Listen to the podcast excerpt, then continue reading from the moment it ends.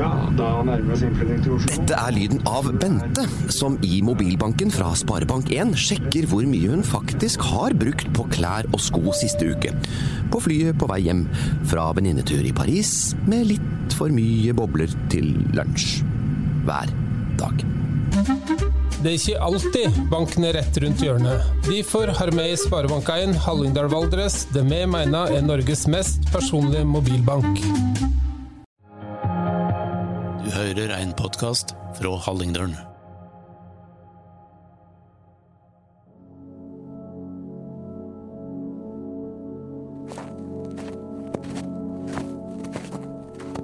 Sent en kveld i januar 2002 går 25 år gamle Roger Schetzo gjennom et boligfelt like utenfor Geilo sentrum.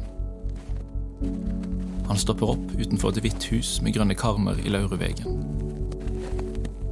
Ute er det mørkt, og ingen kan se at han har kledd seg i heimevernsuniform, og at han holder et AG3 i hendene. Det er bursdagen hans, men for få timer siden kastet han ut vennene fra sin egen fest. De samme vennene er inne i huset han nå står utenfor. Om få sekunder skal han løsne mange skudd. I løpet av de neste minuttene blir tre personer i den samme kjernefamilien drept. En mor, en far og deres sønn. En 19-åring blir hardt skadet. Roger Schetzo tar så sitt eget liv. Trippeldrapet på Geilo i 2002 rystet hele landet. Men bak de dramatiske overskriftene som dominerte nyhetsbildet, ligger det historier som fremdeles ikke er fortalt. Historien om en brasiliansk kvinne som forelsket seg i en sjømann fra lille Geilo på 70-tallet. Historien om en sammensveiset familie som flyttet fra Rio de Janeiro til en liten fjellbygd i Norge. Og om deres sønn, en høyt verdsatt kamerat, bror og onkel. Og om en ung og omgjengelig heimevernssoldat som bar på et mørke ingen kunne se før det var for sent. Noen av menneskene som medvirker i denne podkasten, har aldri fortalt sin historie før. I denne podkasten kommer du til å høre hva som hendte den natten 12.1.2002, fra personene som selv ble rammet. Du skal få høre hvordan tragedien preget disse menneskene, politiet, de pårørende og lokalsamfunnet i tiden etterpå. Hvem var disse menneskene som mistet livet denne kvelden? Hvordan har det gått med de som ble igjen? Og hvem var egentlig Roger Schetzo, heimevernssoldaten med det lune smilet? Du hører på Røynda, Harlingdølen sin historiefortellende podkast. Dette er serien om trippeldrapet på Geilo. Mitt navn er Elias Dalen, og det her er episode én av fem. Den begynner i Valdres.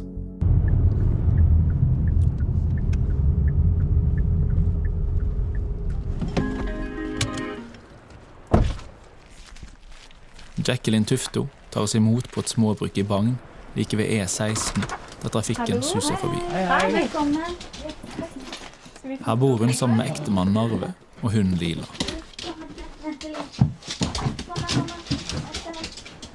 Jacqueline har dype, mørke øyne og svart, krøllete hår. Man kan skimte noen fregner i ansiktet og et litt nervøst, men varmt og hvitt smil. Det har gått over 21 år siden foreldrene Erling og Ivanilda Tufto og lillebror Christian ble skutt og drept. På håndleddet bærer hun et armbånd i gull som klirrer mot mikrofonen når hun gestikulerer med hendene.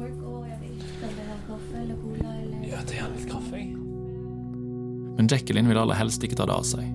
Armbåndet hun arvet fra sin mor, lå 15 år i en konvolutt før Jacqueline tok det ut. Vi sitter rundt et spisebord i stua. Mellom oss ligger det bilder fra en annen tid. Bunker med fotoalbum fra hverdag, reiser og fest.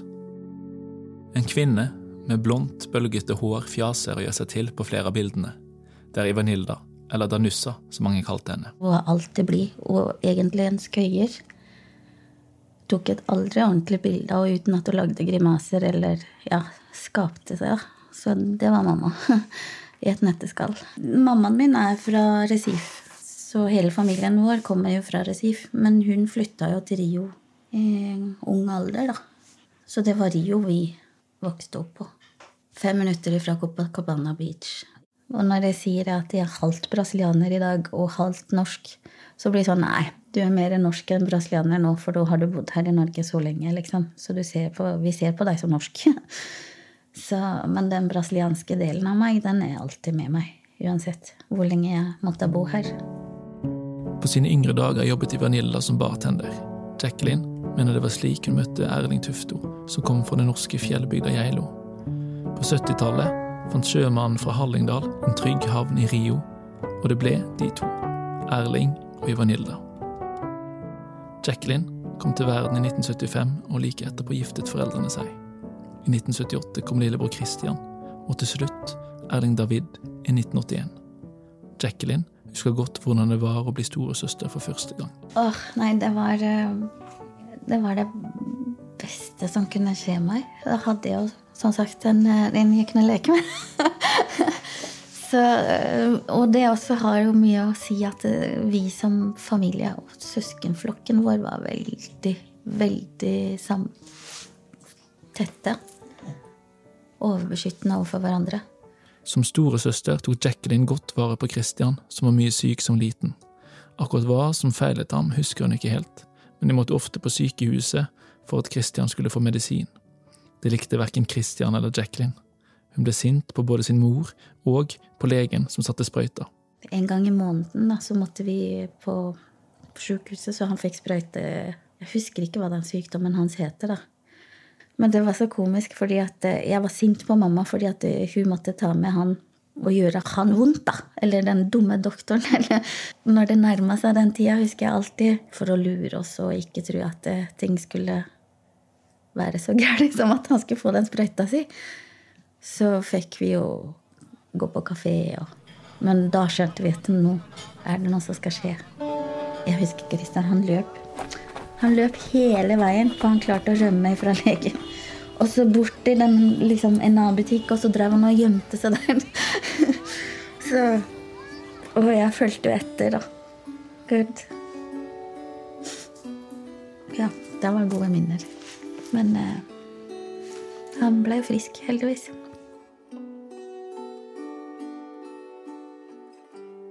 Jacqueline tar fram et bilde av seg selv og moren i Vanilda. Begge er kledd i sølv- og gullplagg. Vanilda bærer en lang kappe og glitrende strømper. Jacqueline står ved siden av, tydelig stolt. Hun har hvite kaninører, strømpebukser og rundt halsen en stor boa i gull. Bildet er tatt under det verdenskjente karnevalet i Rio. På oppdrag for andre brukte Ivanilda utallige timer på å sy kostymer fram til denne festivalen. Det var dette som var Ivanilda sin jobb store deler av året. Og Jacqueline fikk nye antrekk hvert år.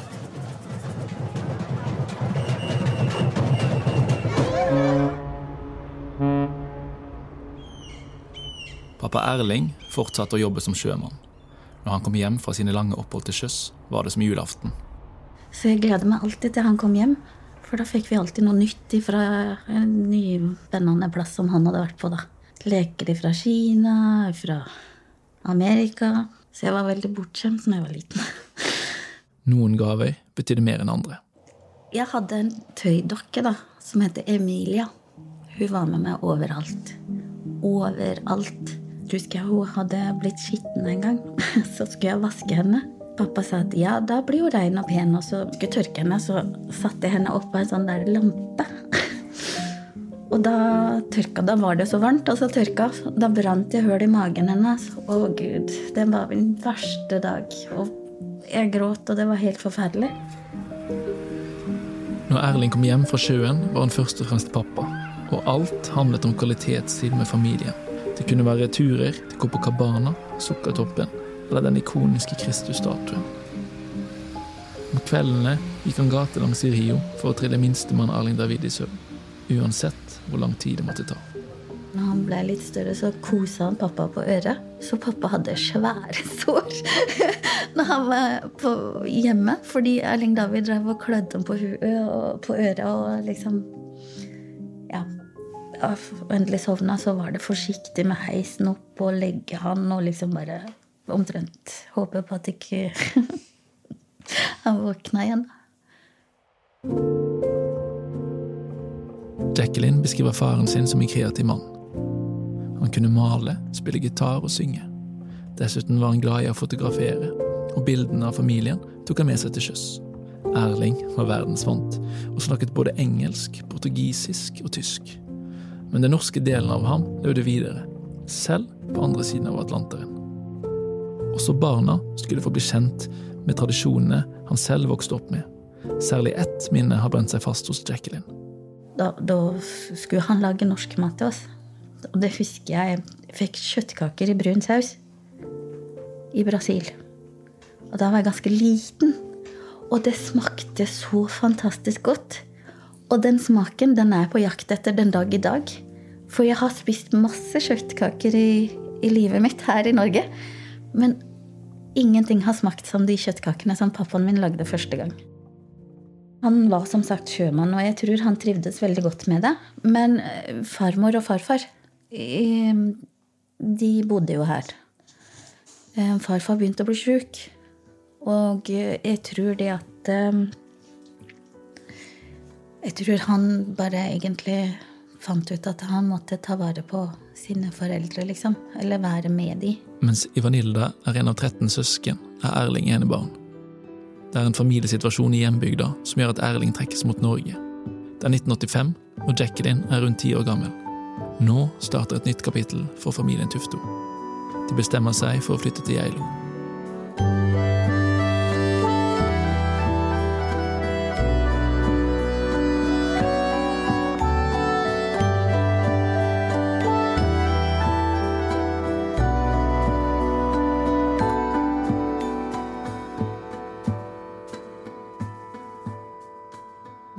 Til Norge, så skjønte vi hadde jo ikke, vi kunne jo ikke språk eller noen ting. ikke sant? Og farmor hun, hun hadde jo visst om oss, og det visste jo farfar òg. Men språkbarrieren der var jo veldig stor, da. Og jeg skjønte ikke så veldig mye. Erling skaffet seg jobb som vaktmester på Dr. Holms hotell, og familien får flytte inn i en personalbolig like ved hotellet. Men jeg husker første snøen som kom. Ehm, da sto vi ute, faktisk. Og eh, vi kjente på det hvite som datt ned. Altså, jeg trodde det var rett og slett bomull, men det ble borte når det kom på huden vår. Det var veldig kaldt, og mamma var skikkelig Bambi på isen. I motsetning til veldig mange andre utlendinger, da, så ble hun faktisk veldig glad i snøen. Hun hadde sånn greie at når snøen kom, da ble alt rent og uskyldig. Så snøen vaska vekk eh, dritten. Så vi kunne starte på nytt, da. Det var hennes greie. Selv om hun ikke var noe særlig god til å gå på snøen og, eller syntes det var kaldt, så likte hun snøen, faktisk. Mens yngstebror fortsatt var i barnehagen, begynte Jacqueline og Christian på skolen. De hadde felles norskundervisning og fant trygghet i hverandre. Men de var også i hver sine klasser sammen med de norske barna. Når jeg kom på skolen, så var jeg ganske grønn, rett og slett. Jeg skjønte ikke Som sagt, jeg skjønte ikke så veldig mye av skoleopplegget, liksom. Så i, i, dag kan man si at eh, ok, jeg lærte norsk, men jeg gikk glipp av veldig mye. Eller vi gikk glipp av veldig mye. Selv om Jacqueline har fine minner fra skolen, var det ikke alltid like enkelt å passe inn. Men uansett om ting ikke var greit, lot de være å fortelle alt til moren sin, for Ivanilda var handlekraftig. Hvis hun kjørte, eksempel på skoleplassen og skulle hente meg og Christian og Erling David, eller sånn, og hun så noen ble mobba, så kunne hun faktisk stoppe bilen og gå ut omtrent og kjefte på den mobberen, liksom. Eh, sånn var hun. Veldig ja, overbeskyttende. Med tiden fikk de hver sine venner, men som en av de første innvandrerfamiliene på Geilo skilte Christian og Jacqueline seg ut. Folk så veldig rart på oss, i hvert fall de andre ungene. De hadde jo ikke sett en sånn krølltopp noen gang. Så han var jo ekstra merkelig.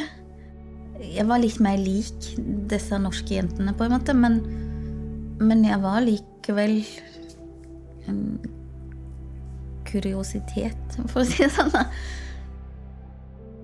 Etter hvert flyttet familien på fem til huset i Laurevegen, like utenfor Gjæle sentrum. Dette huset skal bli en sentral del av denne historien. Det er hvitt, har grønne karmer og kan ligne en liten jungel med alle plantene som står plassert i de ulike rommene. Her er det hummer og kanari. Og som regel er det alltid mat på bordet. Masse mat. Huset er et lite Brasil på Geilo, åpent for de som måtte ønske. Jacqueline beskriver et trygt og godt hjem med to kjærlige foreldre.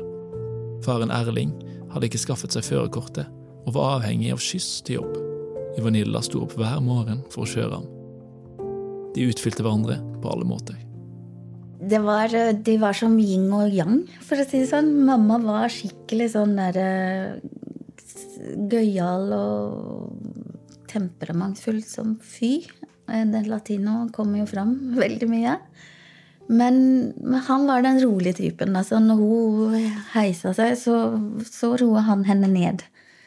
Og eh, så var han pappa veldig rolig av seg, så hun liksom fikk han med på, på ting. og i gamle dager så hadde det sikkert ikke noen diagnose som het ADHD. Men jeg tipper at hvis du skulle ha blitt diagnosert i dag om mamma, så hadde hun fått det. For hun var veldig høyt og lavt, og hun skulle gjøre alt, og hun skulle oppleve alt. Og han måtte liksom på en måte roe henne ned. da. 'Nå må du ta det med ro, vi tar én ting av gangen', eller Det var ingenting som de ikke kunne fikse, så lenge de hadde hverandre.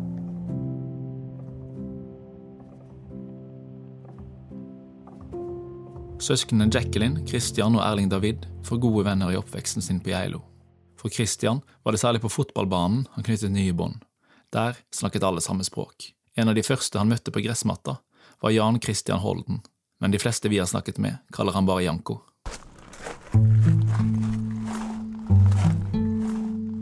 I dag bor Janko i Aurskog sammen med kone og tre barn. Han sa at uh, ringeklokken ikke funket, så må banke på. Okay. Omringet av store jorder hvor elgen boltrer seg fritt, lever han et ganske vanlig familieliv med naboenes hus på rekke og rad. Hei sann. Hyggelig. Stige på. Ja, ja, det Som barn var han innflytter på Geilo, akkurat sånn som Christian Tufto og familien. De møttes gjennom fotballen, men det var yngstebo Erling David som etter hvert skulle bli Jankos nære kamerat. Det var en eller annen periode i livet hvor vi bare connecta veldig godt. Vi bodde jo ikke så veldig langt fra hverandre, og han var jo da halvt brasiliansk, litt tøff utapå, og det var jo kult, da, ikke sant? Vennegjenger tok etter hvert form. Erling David hadde sin kompisgjeng. De var mange. Roger Schetzo, som senere skal ta livet av tre mennesker, er også en av kompisene som henger i Tuftorkjelleren. Storebroren til Erling David, Christian, var også en del av denne gjengen. Han hadde ambisjoner i hotellbransjen og jobbet som servitør og bartender. Der møtte han sesongarbeidere og tilflyttere. Kretsene til de to brødrene var ulike, men de møttes ofte. Kristian var jo et år eldre. Han var god i fotball. Og han var ekstremt flink servitør og visste mye om mat og vin. Og en populær fyr i hotellbransjen. da. For det hadde liksom, Når det var bransjetreff på Geilo folk gikk ut, da var det hotellfolka som var ute og festa liksom, på en torsdag. Og da var jo han gjerne med på det. Og vi var jo også gjerne med på det. Mens Christian ofte jobbet, fylte Janko, alene eller med kompiser, dagene med andre ting. Janko forteller at de aldri drev med alvorlig kriminalitet, men at de likte å presse grensen iblant. Litt full av faen, som han sier. Og det er én for alle, og alle for én. Vi kunne fort bli stoppa på lyset dagen på Geilo, og politiet lurte på Nå, hva er det dere er opp til i dag, liksom? Han oppførte seg jo som om vi var veldig tøffe i trynet. Vi trodde jo vi var noen tøffinger. Badass-kultur, rett og slett. Men når folk var litt sånn nervøse for at du plutselig dukka opp et sted, så var jo det litt sånn kult, da, ikke sant. Kjelleren hos Erling og Ivanilda var innredet som en egen leilighet. For en rekke ungdommer skulle dette bli et viktig fristed. Både venner av Christian og hans lillebror Erling David tilbrakte mye tid her nede. Det var jo festkåken. Det var klart det var det. Um, det var der man uh, Det var der man ikke ble jaga vekk. man, hvis man ikke var gammel nok til å komme inn på utestedene, eller En av dem som kjente godt til Tufterkjelleren, er Lars Henrik Haugerud, som vi kaller Lars. Han kommer til å bli en sentral person i denne historien. Jeg kjente jo Erling David Tufto veldig godt. Uh, yngste sønnen i huset. Han uh, hadde jeg gått i klasse med siden barneskolen. Christian kjente jeg mest som storebroren til Erling. Uh, når de var hjemme eller var sammen. Eh, det var på en måte også litt kult å bli invitert til uh, Tufto-huset, for det var jo uh, Christian som var på en måte sjefen over, over, kjelleren. Lars vokste opp i et strengt kristent hjem. Verken musikk eller festing falt i god jord hos foreldrene hans. Det var vel ikke det stedet de var mest fornøyd med at jeg hang. Jeg ble, det var en gang faren min måtte hente meg. Jeg husker ikke om det var før jeg skulle på jobb. eller hva det var. Og Da var han ganske streng og sint fordi jeg oppholdt meg der. Fordi det var ja, Han kalte det vel syndens bule. I kjelleren dreide det seg om hiphop. Ungdommene søkte mot det som rørte seg i Oslo, og ikke minst USA. De lagde mixtapes, rappet og samlet seg rundt artister som DMX, Mob Deep, Tupac og Foxy Brown, for å nevne noen. Ikke rent sjelden var det fest her, ofte i regi av Christian. Det spilte ingen rolle om foreldrene var hjemme og satt i etasjen over, noe de ofte gjorde. Eh, I Vanilla var alltid hjemme. Fordi om det var fest i kjelleren. Alle kunne komme og slå en prat og få en kopp kaffe eller middag eller hva man måtte ha. Eh, det, jeg fikk følelsen av at alle var velkomne der. I tillegg til å sette pris på et fullt hus, liv og røre og ungdommer, likte Vanilla musikken som dunket ned i kjelleren. Mamma digga det jo. Det var jo rytme. Så hun var jo med og dansa og ja, kosa seg da, hun òg. Um, det var en liten periode hun prøvde seg å gjøre det samme som Erling David og de unge gutta og breake, men det så jo helt teit ut. Men hun prøvde. Hun, hun kosa seg, hun òg. Jeg husker pappaen min han dunka i gulvet når musikken ble for høy. og um, det var liksom Men han visste Så lenge de var der, så var de trygge. Så jeg tror de hadde en del av den der um, mentaliteten at ok, dette er ikke sikkert like bra sett for andre foreldre, sikkert, men de er i hvert fall trygge her. Så da skjer det ikke noe. Etter årtusenskiftet har Jacqueline blitt trebarnsmor. Selv om hun lever et ganske annerledes liv enn brødrene Erling David og Christian og alle ungdommene som vanker i kjelleren, har hun en god relasjon til de aller fleste. Om hun ville ha litt barnefri, var det lett å få hjelp fra foreldrene i Lauruvegen. Jeg ble jo invitert med mange ganger, ja. Ikke sant? Og eh, ja, så kunne det hende at jeg møtte de også når jeg hadde liksom mamma passa ungene. Og jeg kunne endelig få fri og reise ut, jeg òg. Så kunne jeg møte de ute. Og da var det jo liksom Her, ta en øl med oss, og liksom Ja, vi, vi var en del av hverandres liv på alle måter. For Janko, en litt urolig og sint ung mann, var kjelleren i Tuftehuset et godt sted å være.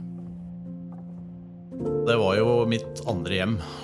Noen ganger mitt første hjem. Det kom litt an på hva foreldrene mine sa og hvor mye jeg hadde krangla med dem. Men jeg var jo en vanskelig gutt å oppdra. Så når det ble mest mulig bråk i hus hjemme, så flytta vel nærmest inn.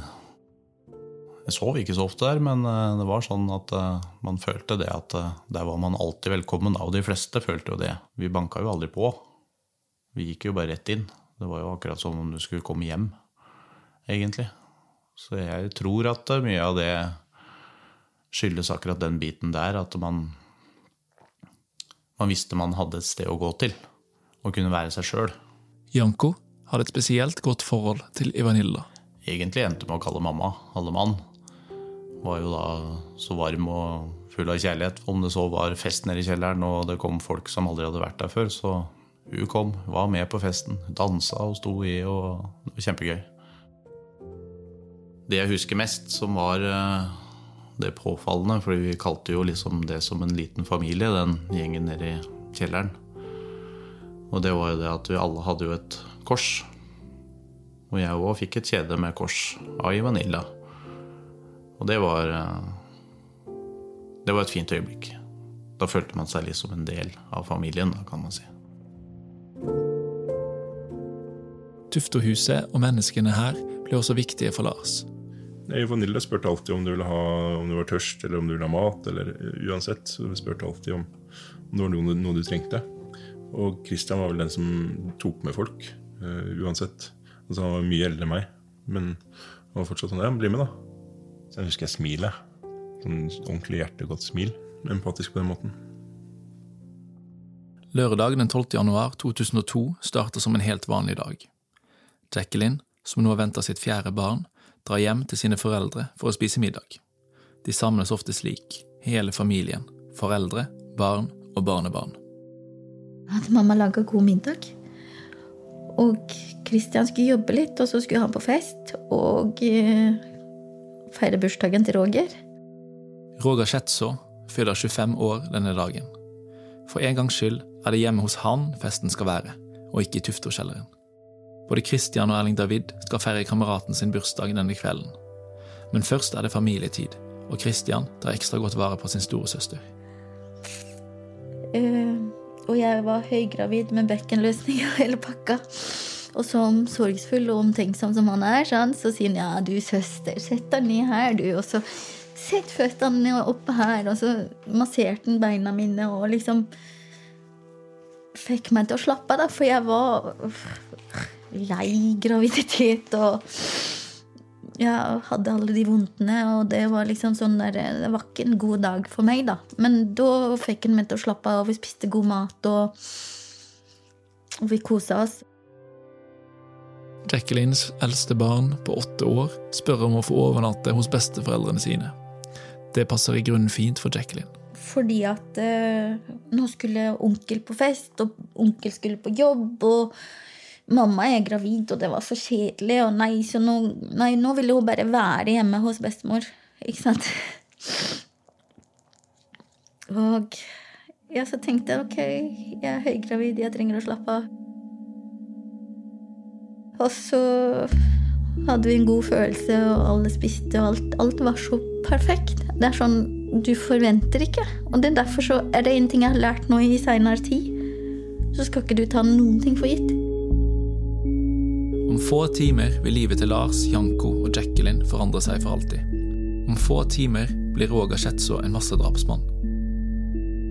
I neste episode vil vi ta deg gjennom hva som skjer lørdag 12.1.2002. Historien blir fortalt av fire mennesker som selv var til stede den kvelden. Noen av dem befant seg midt i skuddlinjen, andre søkte dekning i kjelleren, mens en mann sto på utsiden og skulle koordinere sitt livsfarligste oppdrag som lensmann. Så hører jeg pang, pang, pang. Det er Roger, det er Roger, han er utenfor, og han skyter. Og så sa jeg nei, det er ikke, det er ikke mulig. Slagstedet, fronten, var 250 meter fra huset mitt. Og, og, jeg måtte komme meg dit hvor jeg kunne få på meg utstyr og kunne beskytte samfunnet. Jeg var ganske sikker på at det var Roger, at Roger ville prøve prøve å drepe meg. Du har hørt første episode i serien om trippeldrapet på Geilo. Jacquelines datter og Erling David Tufto er kjent med at de blir omtalt i denne podkasten. Denne podkasten er laget av meg, Elias Dalen, og journalist Anna Huseby, og er en del av Røynda, Harlingdølens historiefortellende podkast. Ansvarlig redaktør i Hallingdølen er Lillian Holden. Hvis du vil lese mer om denne saken, gå inn på hallingdolen.no podkast.